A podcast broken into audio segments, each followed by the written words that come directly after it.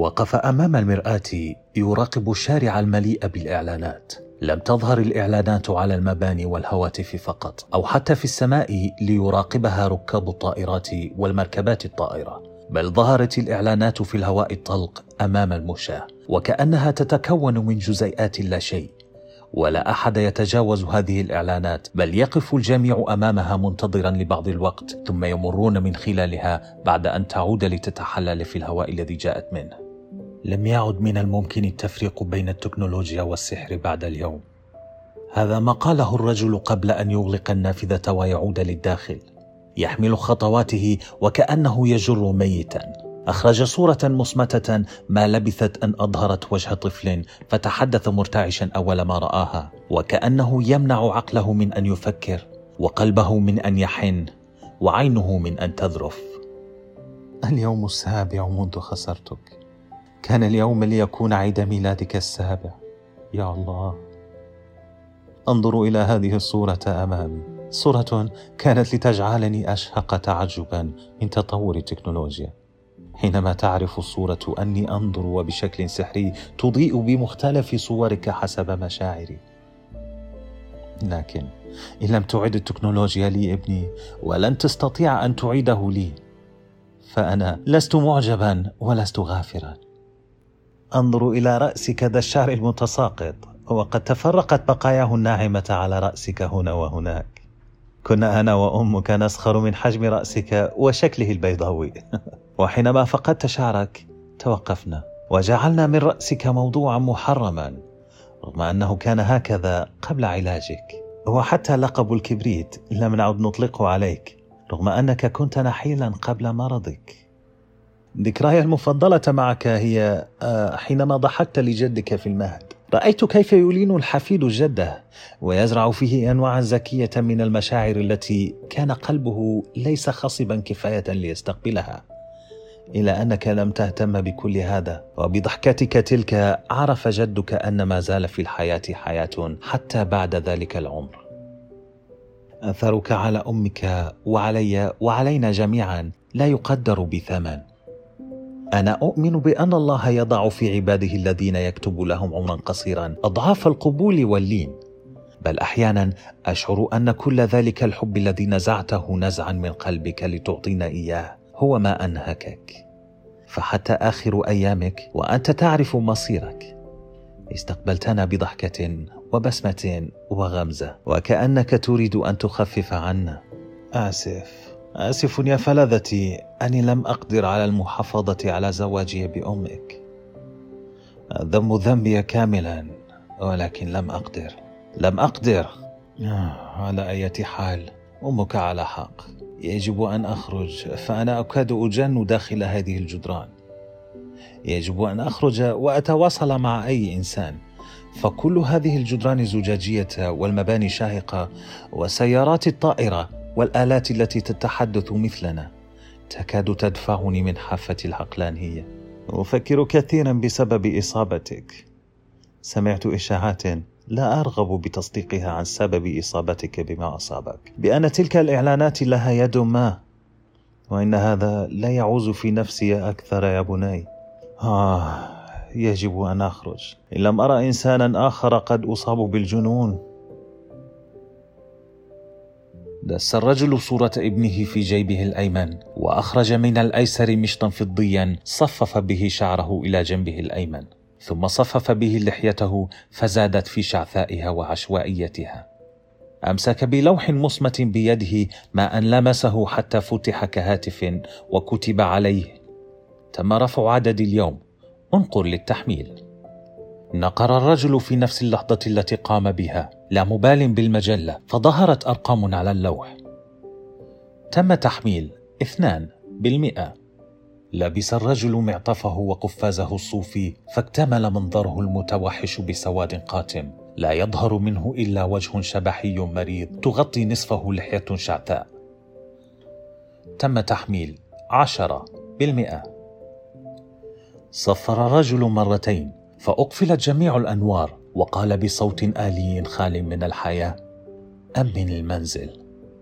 خرج الرجل من الباب ووضع إبهامه على المقبض فأصدر القفل صوتا يوحي بأن الشقة مقفلة الإحكام الآن. مشى الرجل في الممر الضيق المضاء بشكل آسر. الأنوار البيضاء الخافتة والموسيقى الإلكترونية خلقت في قلبه نوعا من الحزن الغريب والوحدة التي جعلته يشعر بأنه في عالم الأغنية وحده بلا رفيق أو حبيب. إلا أنه لم يكن وحده فمن آخر الممر ظهر رجل أمامه. لم يكن قد تحدث له مسبقا ولكنه شعر في وقته الحالي أنه يحتاج إلى التحدث مع أي شخص يشاركه ذات الهواء. أشار له بيديه فتوقف جاره ينظر إليه بحواجب منعقدة وتقدم الرجل ركضا إليه فحينما نطق أول الكلمات تحشرجت الكلمات قبل أن تخرج من فاه وتعاظمت الكتلة في حلقه حينما انتبه إلى الجهاز بين يديه وقد ظهرت عليه علامة يوتوبيا الشركة المسؤولة عن الإعلانات الظاهرة في الشوارع. نزل إلى الدرج بلا مبالاة لنداءات جاره والهاتف بين يديه وهو يتصل بربكة وعشوائية على جميع جهات الاتصال بينما يردد الصوت في هاتفه الحديث ذاته رغم اختلاف المتصل بهم. إن الهاتف المطلوب مغلق. رجاء الاتصال لاحقا. في حالة كان الاتصال ضروريا. قل ضروري. حتى ي... أقفل الرجل هاتفه وزفر زفرة خائبة حين خرج من المبنى الشاهق الطول وجلس على العتبة مخرجا صورة ابنه. لم يتحدث هذه المرة فقد جلس ينظر بأعين تلمع بكل ما يؤسفها أن تلمع لأجله. أخرج من جيبه قلادة نقش عليها نقش يدوي. الآن دائما وإلى الأبد. قبل الرجل القلادة وضمها إلى قلبه وغرق رأسه بين كتفيه. ثم بعد عدة دقائق رفع رأسه فلمح صديقه. لمعت عيناه وارتسمت شفاهه المرتجفة بابتسامة من رأى منقذه. بل سقطت دمعة من عينيه فحتى عينه ابتسمت ليظهر كل ما حبس داخلها.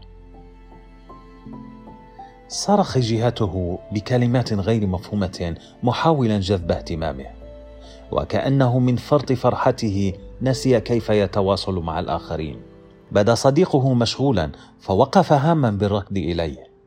حتى ظهر أمامه زجاج لإعلان. لم يستطع تجاوزه أو المشي من جنبه وإلا طلب البنك منه مبلغا لتفعيل خدمة الهواء بلس التي تتيح للمشتركين أن يتمشون في الأرض بشكل حر وبدون أي إعلان أو حدود للأراضي التي يكتشفونها.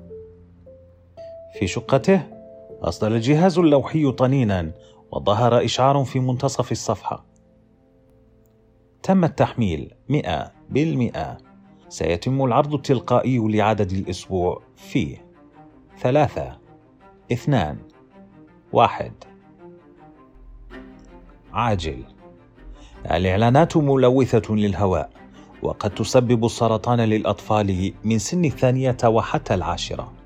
صرحت منظمة الصحة العالمية أن لقاحا سوف يصدر. ونتساءل أليس من الأجدر أن تلغى خدمة الهواء بلاس المثيرة للجدل؟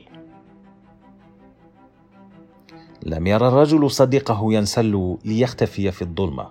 من خلف الإعلان الذي غطى الفضاء أمامه كان يجب أن يشاهد الإعلان لمدة 30 ثانية ثم يختار الإغلاق أو شراء المنتج. كان المنتج أمامه. أتملك فتى يافعا بالكاد تملك القوة على مجاراة طلباته؟ نملك الحل هنا.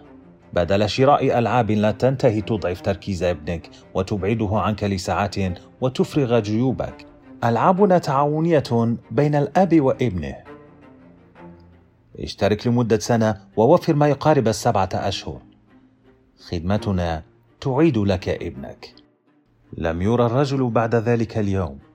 إلا أن حادثا غريبا حصل عندما خطف موظف في شركة يوتوبيا وأدخل خاطفه إلى الشركة. دوافع الخاطف سميت بمجهولة وتخريبية. إلا أن رسائله التي كانت تحويل اسم الشركة يوتوبيا إلى كلمة ديستوبيا وطباعة صورة فتى مات بالسرطان مدعيا بأن الإعلانات هي السبب. مع تسريب العديد من الخطط الخمسية للشركة التي تقتضي أن تبدأ نشر الإعلانات في البيوت. أطلقت مظاهرات على مستوى كل دولة استضافت هذه الشركة. ما يزال الخاطف مجهولا وما زال الرجل مختفيا.